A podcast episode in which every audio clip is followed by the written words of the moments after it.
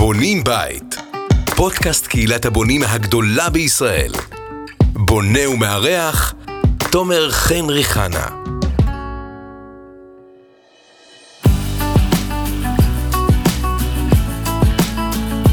טוב, אז אנחנו כאן אה, הולכים לדבר על בנייה מתקדמת, ברוכים הבאים לפרק נוסף אה, בבונים בית. אה, אנחנו כאן עם ערן פלקס, מחברת אינדן, מנכ"ל ובעלים, שלום לכם, שלום לכולם.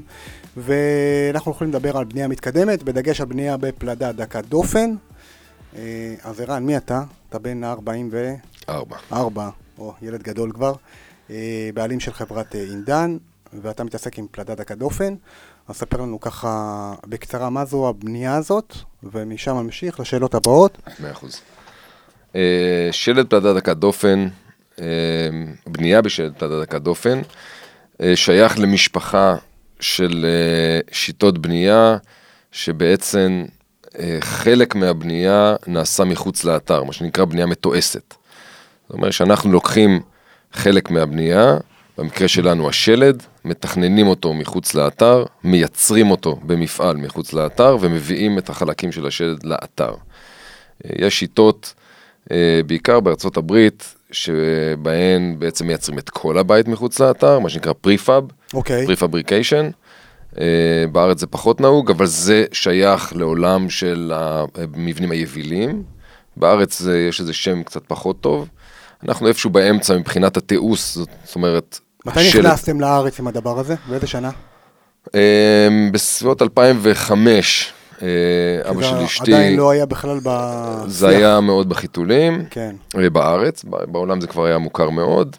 אה, קנה את המכונות האלה, מתוך כוונה להיכנס לתחום של תוספות בנייה ודברים כאלה. אה, ויצא לנו להיכנס גם לכמה פרויקטים די גדולים של, אה, כמו הפקולטה לרפואה בצפת ועוד פרויקטים כאלה, שבהם ממש בנינו מבנים שהם יותר גדולים. ולאט לאט עם הזמן גם נכנסנו יותר לתחום של בנייה פרטית, שזה היום עיסוק אה, משמעותי. שאני יודע שבעצם הקפיצה הייתה מעט שהכרנו בעצם, באזור 2015, 2014. משהו כזה, כן. התחיל השיח, ואני אומר לך, כאילו, היום זה כבר... אה, כל בן אדם שבא לבנות, לפחות שוקל את הסוג בנייה הזה. נכון, נכון, זה אה, פחות מפחיד היום. נכון, נכון. כן, אין אז- ספק. אז אה, מה, מה אתה רואה היום, בימים אלה, מבחינת הסוג בנייה הזה? אנשים באים ופחות חוששים, פחות... קודם כל יש הרבה יותר פניות, יש הרבה יותר פניות, אוקיי. גם כשאנשים פונים הם כבר יודעים מה לשאול. זאת אומרת, זה לא אתה, לרוב אני לא צריך להסביר להם מההתחלה עד הסוף מה זה בכלל הדבר המוזר הזה שאנחנו מתעסקים איתו, אלא הם כבר שמעו, הם אה, כבר ראו, הם כבר חושבים שהם יודעים פחות או יותר על מה מדובר. אה, כל העולם של הבנייה הלא קונבנציונלית מאוד התפתח, במיוחד התחום הזה. אה, כי אנשים ראו שבעצם א', השד לא נורא כל כך, אפשר לבנות אחרת ועדיין ליהנות מאיכויות גבוהות יותר, ממחירים טובים אה, וממהירות הרבה יותר גבוהה, כל היתרונות של הבנייה הזאת. אה, שמה, מה זה היתרון בעצם בזמן הבנייה? זמן הבנייה הוא הדבר המובן מאליו ביותר. זאת אומרת, אה, זה שאנחנו מקצרים את זמן הבנייה אוקיי. בחצי פחות או יותר, מדובר אבל רק על מעטפת הבית, נכון? כאילו, על השלד. השלד, כן. זאת אומרת הרצפה והביסוס הוא אותו דבר בדיוק כמו בבנייה מסורתית, נכון מאוד. ואז מה שמשתנה זה בעצם המעטפת שאתה מספק לקבלנים, נכון? נכון מאוד. אוקיי. הקבלנים או הבונים, יש גם אנשים ש... לא מעט אנשים שבנו בעצמם. זה אחד הדברים הנחמדים בשיטה הזאת, שאם יש מישהו שיש לו את הזמן ואת היכולת אה, לעמוד בבנייה בעצמו של שלד פלדה, יכול גם לעשות את זה. אה, ובעצם אנחנו מספקים את, אנחנו, השירות שלנו הוא לספק את השלד, אבל מעבר לזה יש כמובן את כל המעטפת, את כל השלד של המבנה, את כל ה... מה שעוטף בעצם את הבית, נקרא מעטפת. אה, ושאר הדברים, כמו החלונות, כמו הריצוף, כמו המיזוג, כמו הגמרים וכן הלאה, הוא כמובן רגיל. אז מבחינת העלויות אין לי כל כך הבדל בין בנייה מסורתית לבנייה בפלדה דקת דופן, או... לא, אני לא חושב, זאת אומרת, קשה מאוד למדוד את זה בגלל שכל בניין הוא לעצמו. כי יש המון אתה- שאלות של הבונים, לפחות לי באופן אישי וגם בקבוצות, האם זה יותר זול. עכשיו, כן. אנשים מתבלבלים בין בנייה קלה, יבילה, לבנייה מתקדמת בפלדת הכדופן. נכון. אז תן הסבר, באמת, אחת ולתמיד, מה ההבדלים, ולמה אין כן. באמת הבדלים בעלויות, ככה. חוץ מזמן הבנייה. כן, קודם כל, בנייה, מה שנקרא בנייה קלה, זה גם, עוד פעם, זה משפחה גדולה של אה, של שיטות שהן לא קונבנציונליות, ואי אפשר כל כך לשים אותן בסל אחד. יש אנשים שבונים מפאנל מבודד, ואז יש לו מגבלות מאוד גדולות בנושא הסטטי, בנושא ההנדסי. אה, יש בנייה יבילה שמביאים איזשהו קרוון לאתר או, או משהו דומה לזה. לפעמים נכנס לזה גם מה שנקרא בנייה טבעית, שזה בכלל עולם אחר של בנייה אה, מחומרים טבעיים וכן הלאה. אה, יש מפלדה כבדה, זאת אומרת לוקחים סט, פרופילים סטנדרטיים, מרתחים אותם עם בעזרת מסגר באתר ואחרי זה משלימים, ויש את השיטה שלנו של, של בנייה של פלדה דקה דופן. אז כל השיטות האלה הן שונות מאוד אחת מהשנייה, ומנעד המחירים שלהם הוא רחב ביותר, אה, ואי אפשר לשים את כולם באותו סל. עכשיו, מה שקשור לבנייה מהסוג שלנו, בעצם מה שאנחנו משנים זה רק את המעטפת של המבנה, זאת אומרת הרצפה והביסוס. על אף שאפשר גם פה, יכול להיות שאפשר לחסוך, בדרך כלל אנחנו מגיעים לשלב, התוכניות מגיעות די בשלות כבר אלינו, אז כבר לא עושים שינוי בביסוס ובממ"ד, שזה אותו דבר, ואחרי זה משלימים את המעטפת. כל שאר המבנה הוא אותו דבר, ולכן ההשפעה שלנו על המחיר היא יחסית קטנה, מתוך 100% הפרויקט, יש לנו השפעה על בערך 30, על 30% מתוך הפרויקט כולו, וגם פה, גם אם אנחנו נצליח להוזיל בכמה שקלים, זה עדיין אה, יחסית זניח ל, ל, לכל הפרויקט. ההשפעה לעומת זאת על האיכות, היא על כל 100% הפרויקט, כי השלט בסופו של דבר והמעטפת הם הלב של המבנה. אם אני רוצה, פעם שאלתי, אמרתי פעם למישהו, אם אנחנו משווים אה, את העיסוק במעטפת של המבנה זה כמו השורשים של, של הבית. שם אתה חייב להשקיע את, את מירב המאמצים כדי שהבית יהיה אה, נכון גם לך וגם מבחינה סביבתית וגם מבחינה תכנונית. זה הלב של העניין, התכנון של הבית אה, ואיך הוא מתייחס לצרכים שלך. אחר כך המעטפת של הבית, התחלתי בתכנון, כן. התכנון זה, זה השורשים. המעטפת של הבית זה הגזע, על, לשם, שם אה, אה, אה, אתה מקבל את התכונות הטרמיות של הבית, התכונות האקוסטיות של הבית אה, ואת האיטום של הבית, שזה בעצם מחזיק את הבית אה, כיחידה. ובסוף העלים, הדברים שמתחלפים, יכולים להתחלף, אה, אתה יכול להיות, של, יכול להיות לך שלכת אה, בעלים ולהצמיח עלים מחדש שנה אחרי זה, זה כל הפנים. וזה הצבע והריצוף והמיזוג והגמרים וכן הלאה, שאתה, לפחות לראות עיניי, צריך להשקיע בהם הכי פחות. אה, כן, לגמרי, אנחנו מדברים על זה לא מעט, של להשקיע בתשתית, ובגמרים, אה, אתה יודע, כל אחד אה, תקציבו שלו. בדיוק. אז למה אני, למה אני בכלל כדאי לבנות בבנייה מתקדמת? כי, אתה יודע, יש המון... השיח הוא לכאן ולכאן. ברור. אז אני עכשיו מתחיל לתכנן, יש לי שטח. למה לי בכלל לפנות לתחום הבנייה המתקדמת, ונגיד שאני בונה, בוא נדבר גם על אזורי עימות, וגם על אזור, עכשיו אנחנו בחדרה, אז גם בחדרה. כן. יכול להיות שחדרה גם, גם אזור עימות. באיזה שכונה. אוטוטו כולנו נהיה באזור עימות, זה בסדר, לצערנו. אמ, קודם כל אני חושב שהמוטיבציה לבנות בבנייה מתקדמת צריכה להיות אה, לא מוטיבציה של מחיר, על אף שאני כמובן מבין את הרצון להוזיל את הבנייה, זה דבר שהוא לגיטימי ונכון לכל אחד. אה, היא צריכה להיות בהיבט של מהירות, איכות, דיוק ותוצאה. אה, לא רק שאתה מקבל בסופו של דבר בית שהוא מבודד יותר, שזה ברור מאליו, בית שהוא איכותי ומדויק יותר, זה ברור מאליו, בית בזמן בנייה קצר יותר, זה ברור ומובן מאליו, כל השליטה בפרויקט היא הרבה יותר טובה. בכלל, הנטייה בבנייה הפרטית בישראל, לפחות מהניסיון שלי, היא לזרום עם הפרויקט. מה זה אומר? אדריכל, קודם כל לא משלמים לאף אחד מספיק. נכון. אז, זאת בעיה אז גם לאדריכל וגם למהנדס אין את המוטיבציה להיכנס לעובי הקרב ולתכנן את המבנה באמת באמת לצרכים של המשפחה, ובאמת באמת לרדת לכל הפרטים ולרזולוציה הכי נמוכה של איך לפתור את כל הדברים ש, שקיימים בבניין עד רמת הפרט האחרון. תן דוגמה. למשל. פרטים של חיבור גג, פרטים של פרגולות, פרטים של חלונות וספים, אה, פרטי גמר למיניהם אה, וכל מיני קרניזים ש, שבולטים לכאן ולכאן, אה, חשמל ואינסטלציה עם פרטים של אסלות סמויות או כן או לא ונישות ואין סוף דברים שכמו שאני רואה את זה, צריכים להיפטר ברמת תוכניות העבודה עוד לפני שהמחפרון הראשון אה, עלה לשטח. אז לא נותנים את הדעת יותר מדי. לא נותנים את הדעת עד הסוף, לא סוגרים את התוכניות עד הסוף. לעתים אתה רואה שאפילו לא בוחרים ספק אלומיניום כבר כשמתחילים לבנות את השלד, אני בטוח שאתה נחשף לדבר הזה. לגמרי נורא. אמ, ומה שקורה הוא שהפרויקט מתחיל לזרום. בעצם אומרים, אוקיי, יש לנו תוכניות ביסוס, המהנדס עשה תוכניות ביסוס, בואו נעלה לשטח כבר, נחפור את היסודות ונתחיל לצק את הרצפה. מגיעים, שמים את הרצפה, אומרים, אוקיי, עכשיו צריך לבנות את הבית, אז אוקיי, בואו נסגור מהר את התוכניות של הבית, את האלומיניום נדחה לאחרי זה, כי עוד לא צריך לעשות את זה. ואז גם הפרויקט מתעכב הרבה יותר, גם לא נסגר, גם צריכים לרוץ ולחפש קבלנים כשאתה בלחץ של זמן, כי אתה, אתה רוצה לגמור את הפרויקט, אז אתה לא בהכרח מוצא את הפרויקט, את הקבלן הכי מתאים למה שאתה צריך. אה, וגם אם אתה כבר עם קבלן מפתח, אז בעצם הוא כבר שם בפרויקט, אז הוא כבר מתחיל לנפח את העלויות, וכבר מתחיל, אה, אה, יש לו שינויים, אז כל שינוי עולה כסף.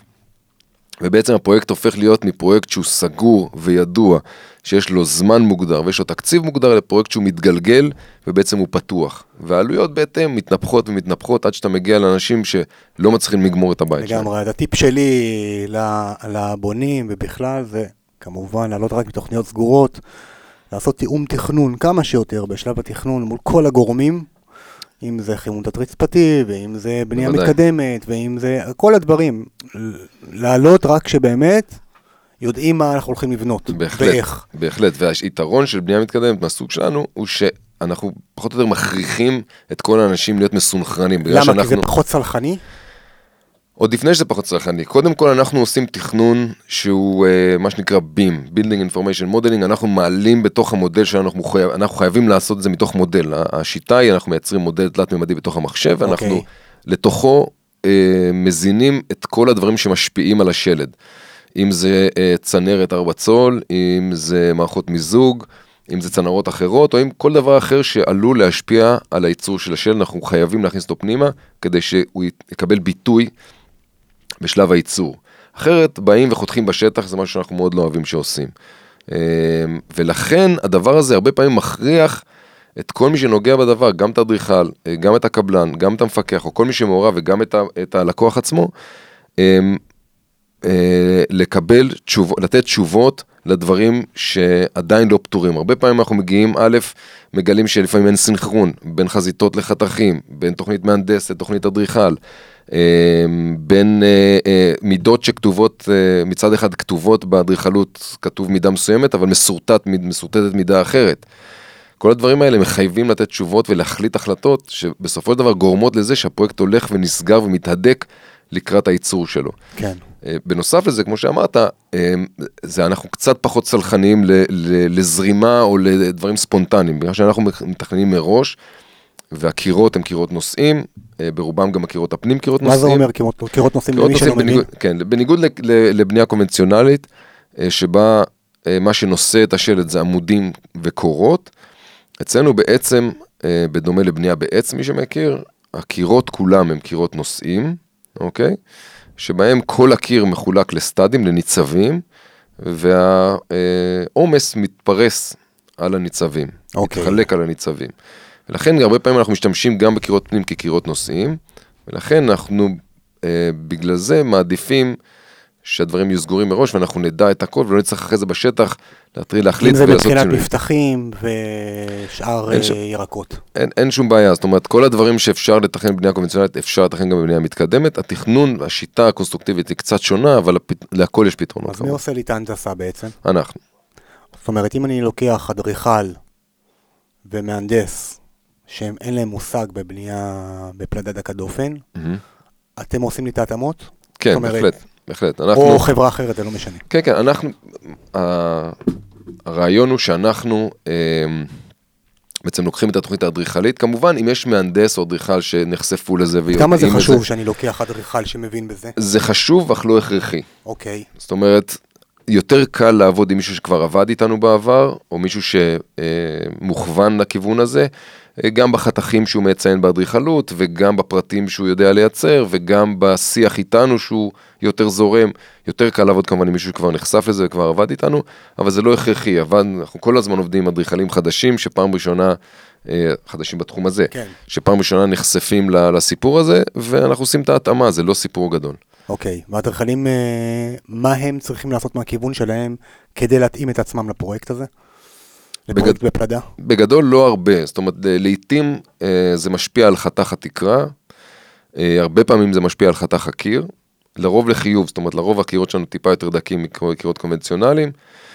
אה, נכנסים עניין של, אה, של תריסי גלילה וכאלה שדורשים נכון. לעבות קירות וכן הלאה. תכף נדבר על זה גם. נדבר כן. גם על זה, אבל בגדול, אה, הם רק צריכים לקבל מאיתנו את הנתונים, ואנחנו עושים איזשהו סשן של התאמה של התוכניות, ואחרי זה אנחנו מוצאים תוכניות לאישור, הכל בשיתוף פעולה עם האדריכל ועם הלקוח, כדי שבסוף יקבלו את התוצאה שרוצים. הבנתי. ועד כמה היום, אה, בעצם כמה זמן לוקח לי שלד של בנייה של פלדה דקה דופן? בוא ניקח בית, נגיד כמו שלי, 200 מטר שתי קומות. אה, כמה זמן לוקח לבנות את השלט בשטח, אתה שואל? נכון, בדיוק. אה, עניין של שבועיים, משהו כזה, אני מניח. אוקיי, שזה קיצור משמעותי. זה להקים את הקונסטרוקציה. נכון. אה, אני מניח שייקח עוד... אה, חודש אם זה ביסוס פלוס רצפה, פלוס ביסוס מעטפת. רצפה לא שייך, כי בזמן כן. הזה אנחנו בעצם עושים את התכנון ואת הייצור של השלט, אוקיי. בשאיפה שהכל מסונכרן כמו שצריך. אה, ואז לוקח, נאמר, בית כזה, משהו כמו שבועיים להקים אותו, וייקח עוד חודש, נאמר, לעשות את כל המעטפת. אוקיי. בוא נדבר על המעטפת, מה זה. אומר מעטפת? המעטפת זה בעצם מה שהופך את הקיר הזה מפרופילים של פלדה שאתה רואה דרכם, כן. למשהו שהוא קיר. כן.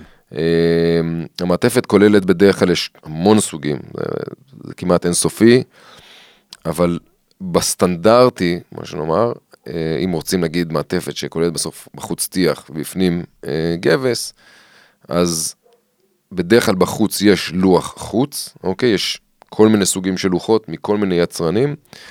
Uh, לוחות החוץ האלה יכולים להיות כמו DensGlass, כמו DensGlass, כמו Knauf. Aquapanel, כמו, כן. כן. אה, אלה לוחות שמיועדים לחוץ, הם מוצמדים בצורה מכנית לשלד, ועליהם יש כל מיני סוגים של חומרי מליטה, שבסוף אה, אה, יוצרים תשתית של טיח לקיר ומקבלים את השליכט, אוקיי. אה, שיקבל קיר סטנדרטי, מה שנקרא. שמה העובי של קיר סטנדרטי בפלדה דקה דופן? בסביבות ה-19 סנטימטר. 19 סנטימטר זה המינימום נאמר, אוקיי. אפשר כמובן לעבות אותו עוד, אז זהו, אם יש לי חלון שדורש 25, לדוגמה, אין בעיה לעבוד את הקיר, אנחנו עושים אוקיי. קונסטרוקציה כפולה, אפשר גם לעבוד אותו עם קונסטרוקציה סטנדרטית של גבס בפנים, מי שרוצה, אם אפשר יש לי לעשות, ויטרינה שדורשת 40, גם אין בעיה, אפשר, כל קיר שרוצים אפשר לעבוד אותו עד אינסוף בעצם. הבנתי, אוקיי. אה, אפשר לעבוד את הקיר, אפשר לעבוד רק חלק עליון של קיר, אפשר לעבוד רק מסביב לחלון, אפשר, כל אלמנט אדריכלי שרוצים ניתן לעשות את זה. ואת החיפוי הזה, מי בוחר? הקבלן, מפתח. אגב, חלק מהחיסרון, במרכאות, שאני, לגבי השיטה הזאת, שאתה, שהבונים, זה מצריך מאיתם לקחת קבלן מפתח. זאת אומרת, הפירוק, בשונה מבנייה מסורתית, לקחת קבלן שלד, איתום, אינסטלציה וכולי וכולי. פה... אני אה, לא, אני לא בטוח, אני לא בטוח שזה אוקיי. המקרה. זאת אומרת, אוקיי. קודם כל על המלצה שלי לאנשים שלא רוצים להתעסק עם הבנייה, שלא לא יכולים להיות שם יום יום ולהיות מעורבים בעצמם בבנייה, ההמלצה שלי היא לקחת קבלן מפתח. אה, על פניו זה נראה יותר יקר, זאת אומרת, ברור שהצעה של קבלן מפתח מתחיל, מתחיל לפרק כל אלמנט בבנייה ותחבר אותו ביחד, יצא לך קצת יותר זול מקבלן מפתח. לא בהכרח, אבל זה המון... גם- עניין של לא הזדמנויות ב- עסקיות. נכון, קודם כל לא בהכרח. דבר שני, כשאתה לוקח קבלן מפתח, שפע קבלן טוב, אז יש לך ערובה לזה שיהיה לך, שהפרויקט ייגמר בזמן מסוים ובתקציב מסוים, כי אתה סוגר איתו את כל העסקה. אלא אם כן התחלת לעשות שינויים ודברים באמצע, אבל בגדול אתה יודע מה אתה משלם ומה אתה מקבל. אה, וזה יתרון גדול מאוד. נכון. עוד פעם, אצלנו, כמו שאמרתי, הסיכוי שה, שהתקציב יגדל הוא הרבה הרבה יותר קטן מאשר בנייה קונבנציונלית, בגלל אופי, אופי הפרויקט. נכון. אמ, אבל אפשר גם לפרק, יש אנשים גם פירקו, או שעשו בעצמם, כמו שאמרתי בהתחלה, אה, בנו בעצמם לגמרי, או שלקחו מפקח ועשו את זה בשילוב, ולקחו מקבלן את השלד, בדרך כלל שלד ומעטפת, לא עושים רק שלד. אה, כי השלד הוא קצת חסר ערך אם אין לו את המעטפת, ואין נכון. מי שיקח את האחריות גם על הגג, גם על האיתום, גם על הדברים האלה.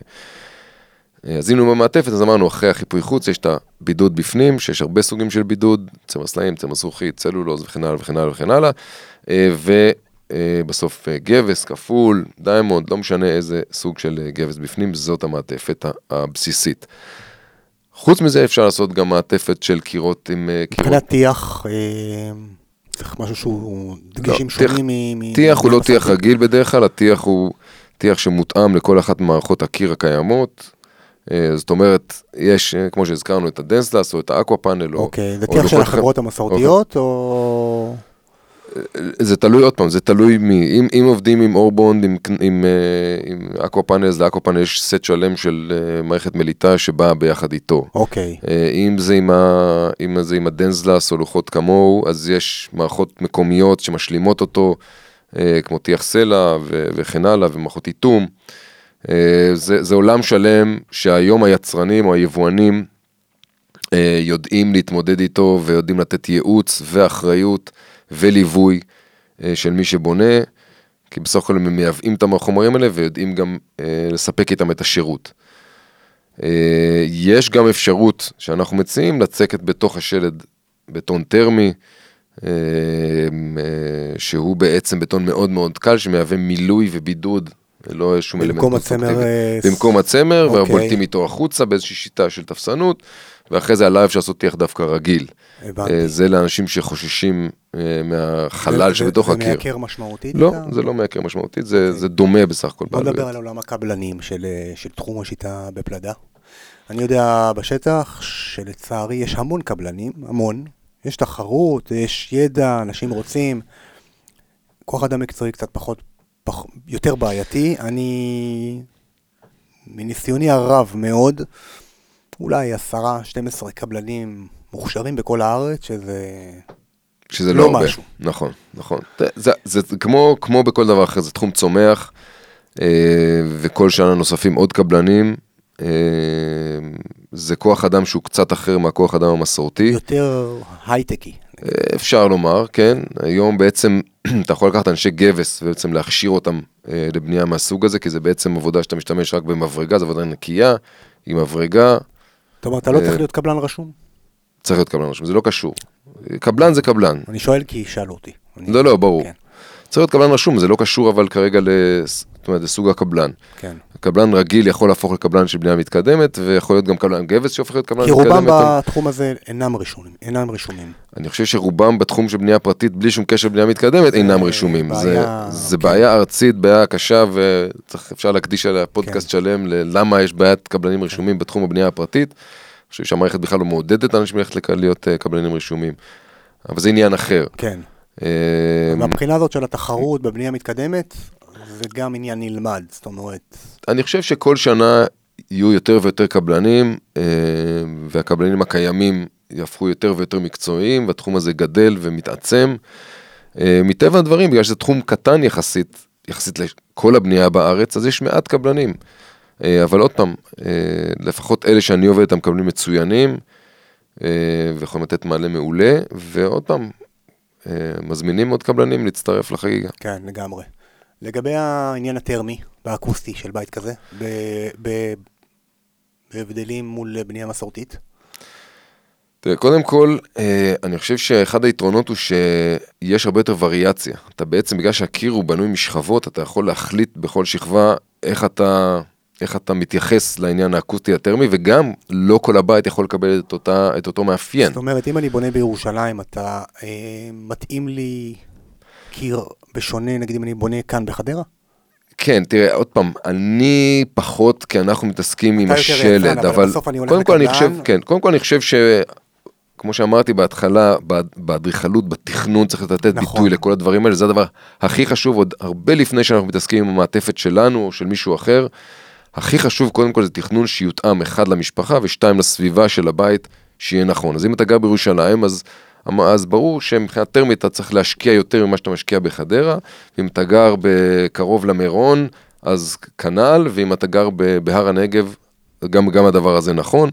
יש שם תקנים שמחייבים גם לעניין הזה. אה, עוד פעם, לא כולם נאכפים, אבל זה תקנים שהם חשובים להכיר אותם, כמו 1045, אה, שזה תקן לבניית טרמי של מבנים. כן, שמעטפת היה לי. פודקאסט עם אה, אדריכל בשם אייל יוסנג'ר, אה, מכיר כמובן. כן, כן. אה, אחלה, איך זה מתקשר באמת לבנייה ירוקה, נכון? זה נחשב? אז, אז כן, אז אנחנו מאפשרים גם, אה, אנחנו מאפשרים מעטפת של מבנה שהיא תורמת מאוד מאוד לאיכות הטרמית של המבנה, ובהכרח גם הרבה פחות, אה, אתה צריך להשקיע הרבה פחות אנרגיה בחימום ובקירור, ולכן גם בניין הופך לירוק יותר באופן אה, אוטומטי. אוקיי, אז מי לי את ה... את ה... אז קודם כל, אם יש לך אדריכל שמתמצא בזה, אז, אז הוא יכול לעשות את זה, ואם הוא לא? יכול לעשות ניתוח. אם לא, יש אנשים, יועצים חיצוניים, אוקיי. אה, שאפשר אפשר לשאול אותם, והם יכולים לעשות מרמת הייעוץ הבסיסי ביותר, להגיד, שזה תשמע, אני ממליץ מאוד מאוד מאוד לעשות. בעיניי זה חובה, בעיניי זה. חובה. אה, באמת, מרמת הייעוץ הכי בסיסי, להבין לאן חזיתות שלך פונות. זה- זה התכנון, זה- על זה דיברנו. זה התכנון, זה כן. הבסיס בדיוק של הבית. לאן החזיתות פונות, לאן לפתוח פתחים,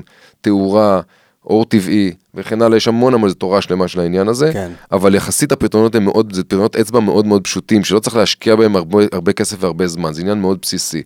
ועד יועצים שיכולים לעשות לך הדמיה טרמית של הבית וממש להגיד לך ב, בלוקסים כמה אור יש לך בכל חדר אה, ובקילו בקילו ג'אול כמה אנרגיה אתה משקיע בשנה לחימום ולקירור ולחשב אפילו את העלויות של זה.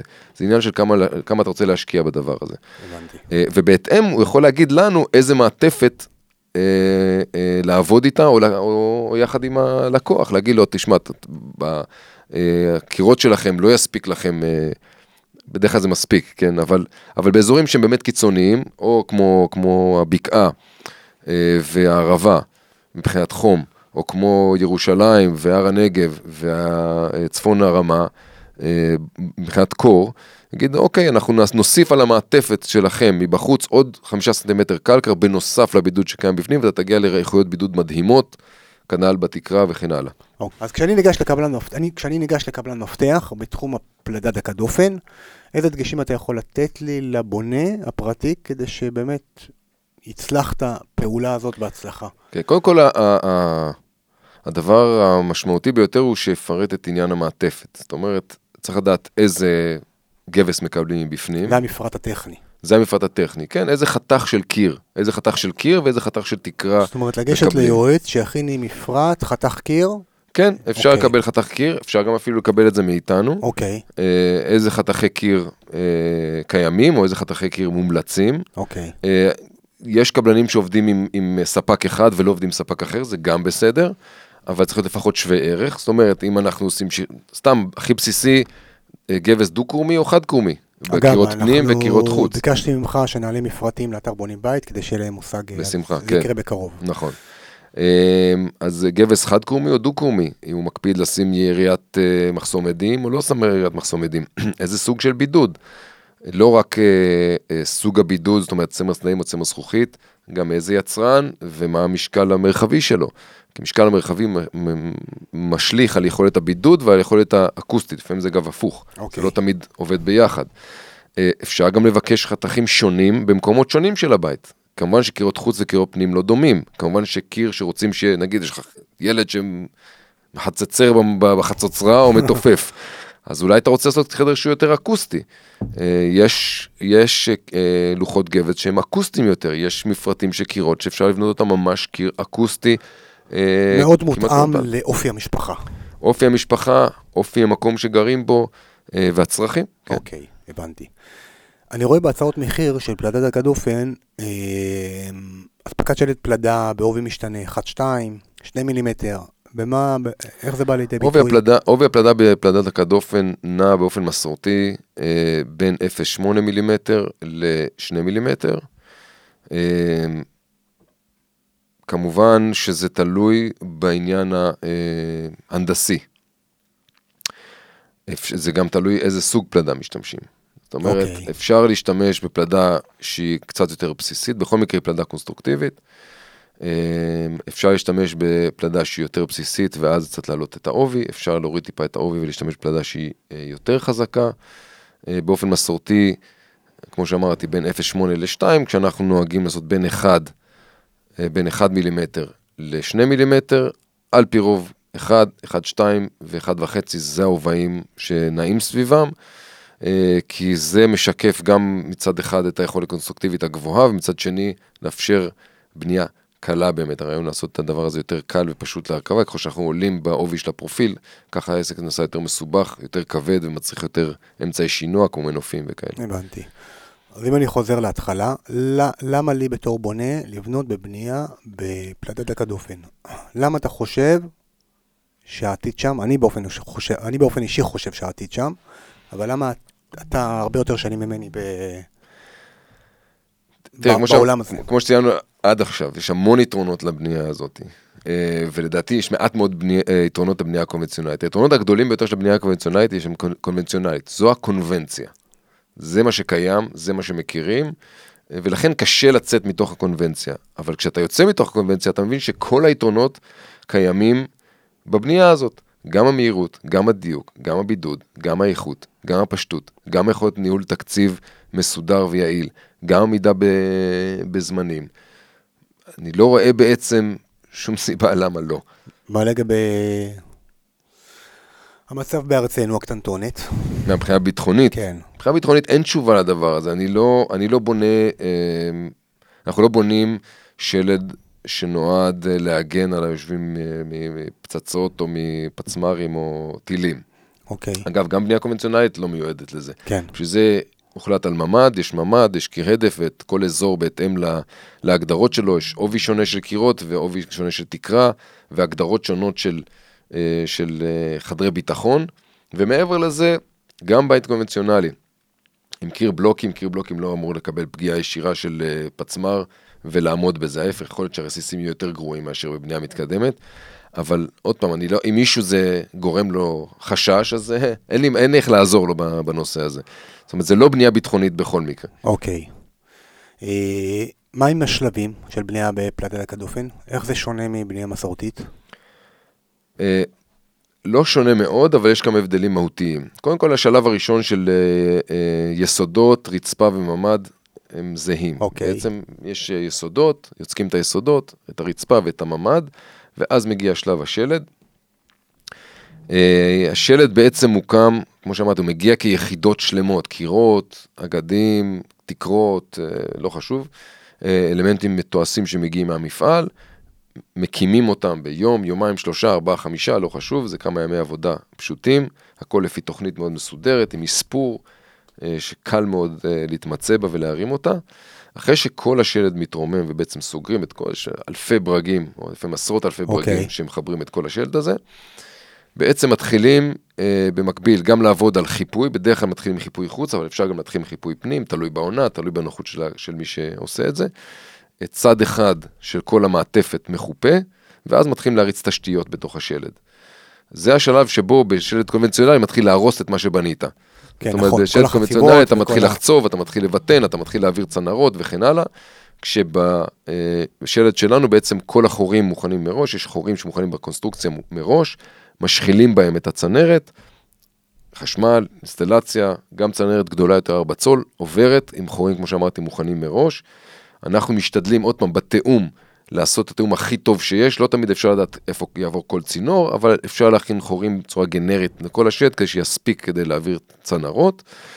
אה, ואז אחרי שכל הצנרת הזאת מושחלת בתוך הקונסטרוקציה, בעצם סוגרים את השכבה השנייה, את השכבה הפנימית או חיצונית, איך שעבדנו, סוגרים את, ה, את השלד, ובעצם פה אנחנו כבר בגמרים. בשלב הזה כבר בפנים עושים שפכטל וצבע, אוקיי. ובחוץ עושים אה, טיח, ויש גמרים, יש חלונות, יש ריצופים, יש כל מה שבעצם סוגר את הבית לגמרי. בדיוק אותו דבר כמו בנייה רגילה. לגמרי, לגמרי. כן, יש עוד פעם, יש פה ושם פרטים, אבל לרוב הרבה יותר פשוט. אנחנו לא צריכים משקופים עיוורים למשל לחלונות, כי המשקופים מגיעים מדויק. אה, אז, אז יותר קל, לפעמים אפילו אם אפשר לקחת, אה, להזמין חלונות מראש, והם מגיעים לאתר, זה, אנחנו יודעים שזה מדויק כבר, כי, כי השלד הוזמן כבר, אה, לפי אותן מידות. אז, אז בעצם השלב הזה הוא הרבה יותר פשוט ויותר מהיר, כי הדברים כבר מדויקים וידועים, לא צריך לקחת מהכל מידות, ו... למרות שעוד פעם, יש הרבה פעמים שמעדיפים לעשות את זה רק כדי להיות על הצד הבטוח. הבנתי. שאלה שעולה לא מעט, זה עניין שווי הבית, גם בשמאות התחלתית של השמאים, וגם בש... בעצם במכירה כן. אחרי בנייה. מה אתה רואה היום מבחינת הידע של השמאים והמכירה לאחר בנייה? אתה יודע, בתחום הזה אה, אין לי הרבה ידע, אני לא יודע בדיוק, אה, גם התחום יחסית חדש בארץ, אז לא הצטבר מספיק אה, למרות שיש. לא מעט בתים. יש, כבר. יש, יש, מ- יש מאות, יש נכון, אלפים, נכון. אבל, אה, אבל הם כולם נבנו, בוא נגיד, ב-15 שנה האחרונות. אוקיי. אה, חלקם אולי 20, אולי 30, אבל בודדים, ובמסה הגדולה ב-15 שנה האחרונות. אה, ולכן ניסיון של מכירה ומכירה חוזרת וזה הוא פחות גדול. אני חושב שלאט לאט גם השמאים וגם המערכות שמיועדות להעריך את הבתים האלה מבינים שזה לא בית יביל וזה לא בית שנבנה ב... מ- מקרטון או כל מיני שטויות כאלה, אלא זה בית רגיל לכל, לכל דבר ועניין, בית שנועד לשרת את האנשים בו ל-100-200 שנה בלי בעיה. אה, ולכן לאט לאט גם מחלחלת הידיעה הזאת, ואני יודע על כמה אנשים שמכרו במחירים טובים, אבל אני לא יודע מה מצב השמאות בארץ, עשיתי סקר, אני לא יודע.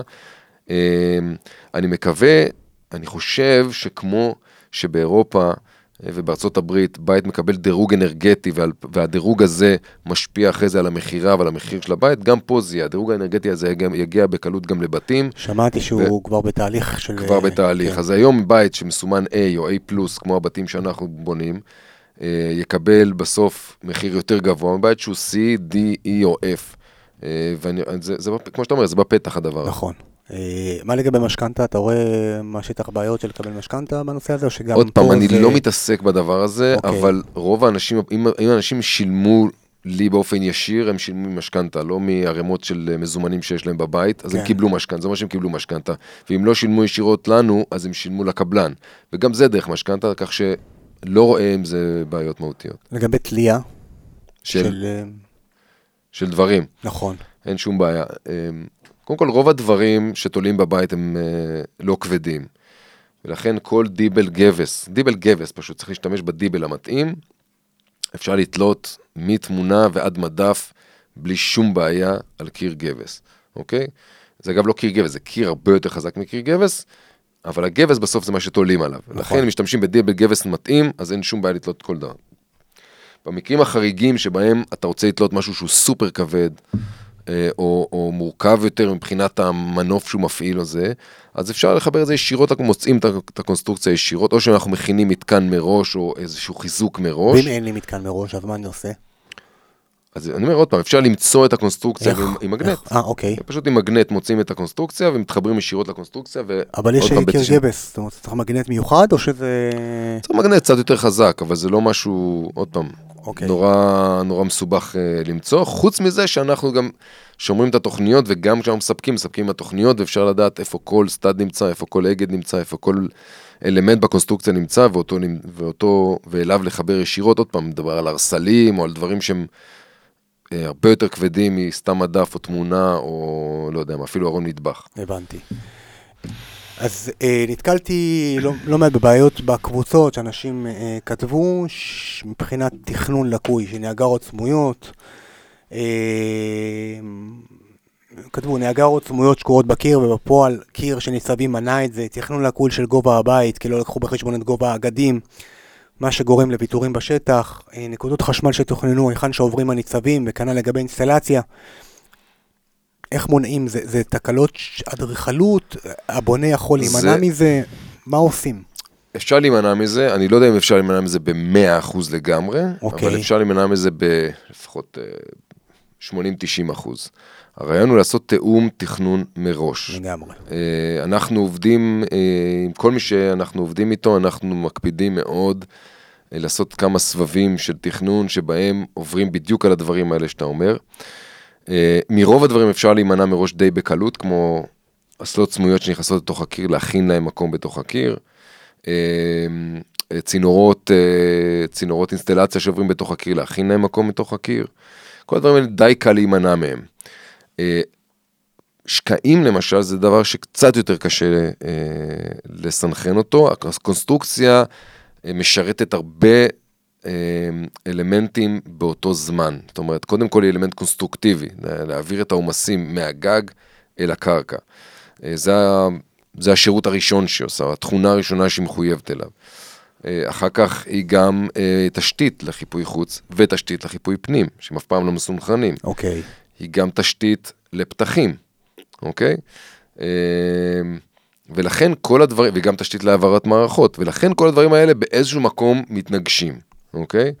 כשעושים את התיאום וכולם נותנים את כל המידע ש, שצריך, והתכנון, כמו שאמרתי, סגור לחלוטין, אז אפשר להתייחס לכל הדברים האלה. לפעמים אי אפשר להתייחס להכל, לכל שקע, לכל צינור שעובר בכל מקום, אה, כי זה א', אה, יחייב תכנון מאוד מאוד מאוד מאוד ארוך וקשה, וב', אה, צינורות אי אפשר לדעת מהתוכנית, כי אף אחד לא טורח באמת לסמן כל מעבר של צינור מכל מקום, אלא מסמנים קו עקרוני מאיפה, זה, מאיפה ולאן זה מגיע. אוקיי. אה, אבל אם עוד פעם מקפידים על לתת את כל המידע ולעבור על זה כשאנחנו שולחים תוכניות לאישור, לעבור על זה גם הלקוח וגם האדריכל ולרדת לפרטי פרטים של הדברים ולהבין איפה כל הדברים נמצאים, אז עוד פעם, מהרוב המוחלט של הדברים אפשר להימנע. חוץ מזה, שגם בשטח, אם יש צורך לחתוך משהו, או לשנות משהו, או להגיב למשהו שהשתנה תוך כדי, אנחנו יודעים לתת את הפתרון, בייעוץ עם המהנדס, אנחנו אה, באים לשטח, או אפילו דרך תמונה, אפשר לתת את הפתרון, להגיד או שתזיזו את זה ימינה-שמאלה, או שניתן לחתוך ולחזק. כל הפתרונות קיימים כדי לתת אה, שירות ללקוח. מגניב, אז uh, יש לי ככה עוד שתי שאלות לסיום. אחת, אם אני יזם, ויש לא מעט יזמים אצלי בקבוצות, שאני בונה בית של 3, 4, 5, 6 קומות, יש פתרון היום בפלטת דקה דופן? בהחלט, בהחלט. אוקיי. אנחנו בשנתיים האחרונות עבדנו על פיתוח של שיטה שנקראת TS. אוקיי, אה, השיטה הזאת היא בעצם משלבת את כל הידע שצברנו בבנייה מתקדמת, אבל אה, ליישם אותו בבנייה קונבנציונלית. מה זה אומר? בעצם אנחנו בונים שד, אני מדבר על באמת על בניינים של מעל ארבע קומות, ששם זה משתלם, אנחנו בעצם יודעים לייצר, עוד פעם, בצורה חכמה ומהירה את כל התבניות ליציקת הבטונים. זאת אומרת, הבניין מבחינה הנדסית הוא בניין קונבנציונלי, עמודים, קורות, תקרות, חדרי מדרגות, פירי מעליות קונבנציונליים, אבל עם תפסנות, עם תבניות קלות, חכמות ומהירות הרכבה שאנחנו מייצרים, ובין לבין כל הקירות פנים, הקירות חוץ, הם קירות של פלדה דקת דופן, בעצם מקבלים קיט לבניין שהוא באותה רמת דיוק, מהירות ואיכות של בנייה מתקדמת, אבל מאפשר אה, לבנות בניין קונבנציונלי. אז מה זה חוסך לי בתור יזם? המון זמן, המון זמן. אם היום בניין של שמונה קומות נגיד, אתה בונה ב- ב- בין 24 ל-36 חודשים, נכון. אם אתה יכול לחסוך חצי מהזמן הזה, זה ים כסף. מאות אלפי, אם לא מיליוני שקלים שנחסכים לך על עלויות אתר ותקורות אתר, שעד היום אי אפשר לעשות את זה. וזה בעיניי המהפכה הגדולה בעניין. מדהים, מדהים. אז מי שרוצה עוד מידע, מוזמן לפנות. לערן. אז אוקיי, אז מה, מה אתה יכול ככה לסיום, טיפ אחד לסיום, ומה ערן אינדן, חברת אינדן, יכולה לעשות בשביל הקהילה שלנו. אני יודע שאתה עשית המון בשנים האחרונות, אבל ככה אני רואה את העתיד. אה, קודם כל, כל מי שיש לו שאלה, אה, או סקרן סתם, או באמת יש לו אה, בית לפני תכנון ובנייה, מוזמן לפנות, לדבר, לשאול. גם את הקהילה הנהדרת של בונים בית, שהמון המון ידע נצבר בה, לגמרי. מכל התחומים, לא רק בתחום של בנייה מתקדמת, וכמובן גם אלינו, אם זה סתם שאלה כללית, ואם זה ממש ממש לשלוח תוכניות ולהתחיל לברר אה, את התהליך, מוזמן בשמחה. מה הנייד שלך? 054-7768-601. מעולה, אז תזכרו, רן, אה, זה הנייד שלו, הנייד שלו גם רשום ב, אה, בפוסט, באתר, כולל המייל, תרגישו חופשי. ערן, אני מודה לך, היה מדהים, אני חושב שככה נתנו עוד אור על הבנייה המתקדמת, וזהו, שיהיה לכולם בהצלחה, תודה רבה. אה, אחלה יום, אחלה שבוע. לכולם.